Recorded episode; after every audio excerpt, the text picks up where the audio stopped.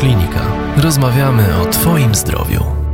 Z mikrofonem Radiokliniki jesteśmy dzisiaj w Instytucie Kardiologii w warszawskim Aninie, a przed naszym mikrofonem pan profesor Adam Witkowski, kardiolog interwencyjny. Witam panie profesorze. Witam pana redaktora.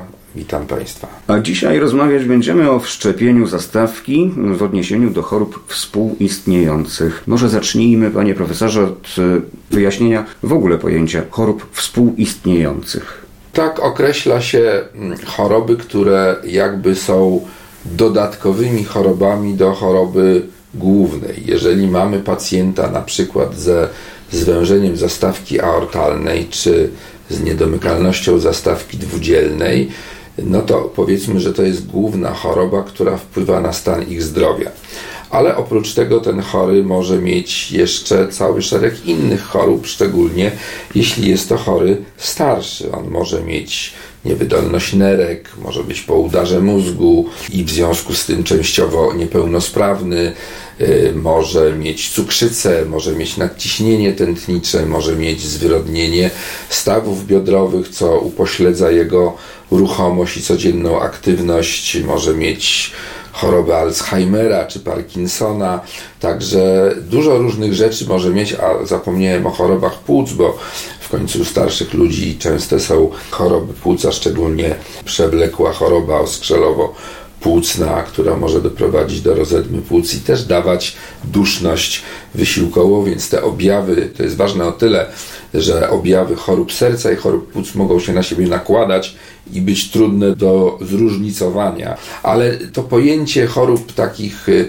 współtowarzyszących to właśnie należy zdefiniować tak, czy opowiedzieć to tak, że jest choroba serca, która jest jakby główną chorobą z powodu której przyjmujemy chorego na oddział czy do kliniki kardiologii i go z tego powodu leczymy, czy to jest zawał serca, czy stabilna choroba wieńcowa, czy jakaś wada zastawki, a mm, ci chorzy mają też, a szczególnie starsi, jakieś inne choroby, innych narządów czy układów, które jakby dokładają się do ryzyka leczenia tej głównej choroby choroby serca.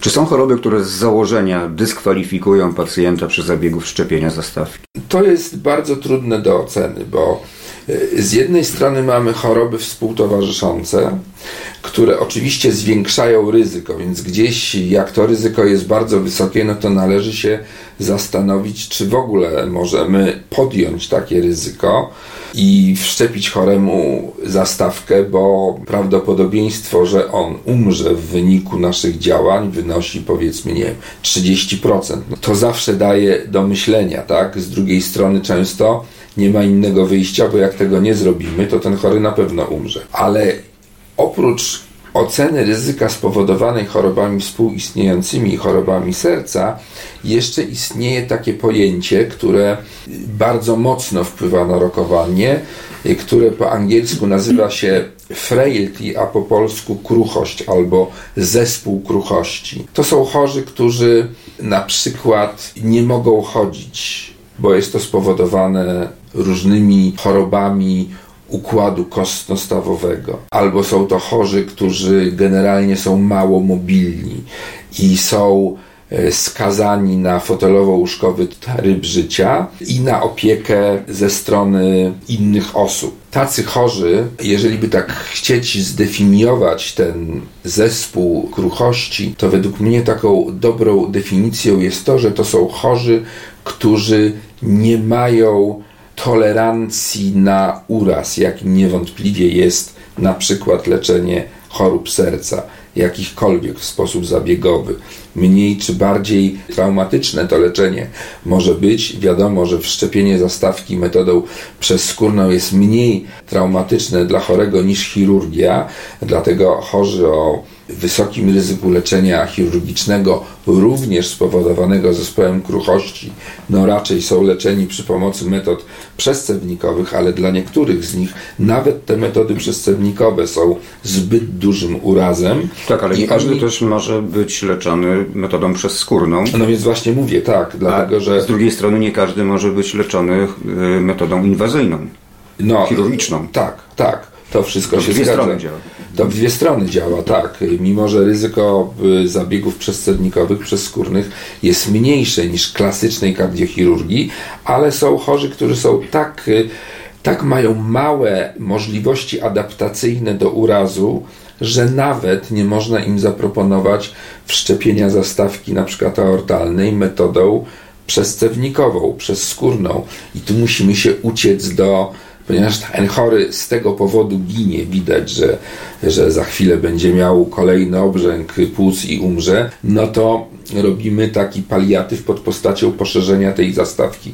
Przy pomocy samego cewnika z balonem tylko, żeby opanować sytuację, która często jest y, dramatyczna po prostu. I zobaczyć, czy ten chory po dwóch tygodniach, miesiącu, dwóch miesiącach nie dojdzie do siebie na tyle, że będzie można mu tą zastawkę wszczepić. Czasami tak jest, czasami nie. Czyli jest Jeżeli to nie, swego rodzaju przygotowanie do właściwego taki zabiegu. pomost. Ale to nie zawsze tak jest, bo są chorzy, którzy, no, jak mówię, są tak ym, schorowani poprzez inne współtowarzyszące choroby i są tak y, podatni na uraz, że ten zabieg y, nawet poszerzenia zastawki, taki najprostszy, najmniej urazowy, przy pomocy balonu nie daje pożądanych efektów. I szczerze powiedziawszy, nie ma dla nich wyjścia dobrego, jeżeli chodzi o leczenie inwazyjne. Są teraz y, próby takiej prerehabilitacji, czyli właśnie przygotowania do zabiegu przy pomocy metod rehabilitacyjnych, wspomaganych przez takie paliatywne zabiegi typu walwuloplastyka, zastawki aortalne itd., itd. Część chorych udaje się w ten sposób na tyle poprawić, że oni mogą stać się kandydatami do wymiany zastawki, ale części chorych nie daje się tak poprawić i wykonywanie u nich y, jakichś obciążających zabiegów no jest bezsensowne, bo im nie pomożemy, natomiast oczywiście narazimy ich na różnego rodzaju cierpienia i urazy związane z tym zabiegiem. Jest y, skala, według której ocenia się ryzyko operacyjne. Tak, jest cały szereg skal, y, które oceniają właśnie ryzyko operacyjne, a nie oceniają tego, co się nazywa zespołem kruchości, bo tam są inne skale, które są moim zdaniem zbyt rzadko wykorzystywane w praktyce klinicznej, a powinny być. Odkąd leczymy coraz starsze osoby, które właśnie są bardzo podatne na urazy, a każdy zabieg jest urazem, bo tak wygląda medycyna taka inwazyjna czy interwencyjna. To powinno się zarówno określać ich ryzyko operacyjne, które bazuje na przyznawaniu punktów za choroby serca i choroby współtowarzyszące, ale też powinniśmy korzystać coraz częściej, szczególnie u wyraźnie starszych osób powyżej 80-85 roku życia e, z tych skal e, oceniających zespół kruchości, e, bo też one dużo mówią o tym, czy ten chory w ogóle przetrzyma zabieg jakikolwiek, prawda? I to powinno być robione tak, jak ocenia się właśnie ryzyko samego zabiegu operacyjnego, tak powinno też u wybranych chorych, szczególnie u takich słabo mobilnych i, i bardzo już starszych, oceniać, czy oni w ogóle przetrzymają zabieg na podstawie właśnie tych skal kruchości. A to ryzyko ocenia jeden specjalista czy zespół? To ocenia się przy pomocy odpowiednich algorytmów. I te algorytmy są podane w postaci gotowych wzorów do podstawienia czy chory ma niewydolność nerek, a jak ma, no to jak zaawansowaną, czy chory ma niewydolność serca, a jak ma, to jak zaawansowaną, czy chory już przebył jakąś operację serca i tak dalej, i tak dalej. I to może zrobić lekarz, który prowadzi chorego w klinice czy na oddziale. Tak samo można ocenić skalę kruchości, y, chociaż zwykle ostateczna decyzja, co dalej robić i czy w ogóle coś robić, bo E, z, z tymi wszystkimi chorobami współtowarzyszącymi, z zespołem kruchości wiąże się jeszcze jedno bardzo e, ważne pojęcie, które po angielsku się nazywa futility of intervention, czyli daremność interwencji, czyli interwencji, którą podejmiemy ze współczucia dla chorego lub na jego wyraźne żądanie, co czasami się zdarza, ale z góry wiadomo, że nic z tego nie będzie. Więc y, takich rzeczy należałoby unikać raczej. To jest takie leczenie ze współczucia, które często źle się kończy, ale no, pobudki, jakie za tym stoją, są jak najbardziej szlachetne i e, wynikające z chęci pomożenia choremu, a właśnie trzeba jednak ocenić bardzo dobrze, szczególnie takich bardzo ciężko chorych pacjentów, y, bardzo ciężko chore osoby, gdzie choroba serca jest tylko jednym z elementów ich chorób w ogóle i ich małych możliwości adaptacyjnych do urazu. Czyli te skale generalnie ocenia się w różnych aspektach. To są tak. oceny kliniczne, anatomiczne, ale też akceptowalne, czyli te, które klasyfikują pacjenta tak, do tak. takiej no i y, operacji. Zwykle ostateczną decyzję oczywiście podejmuje zespół lekarzy, bo takie decyzje są trudne. Hard prawda?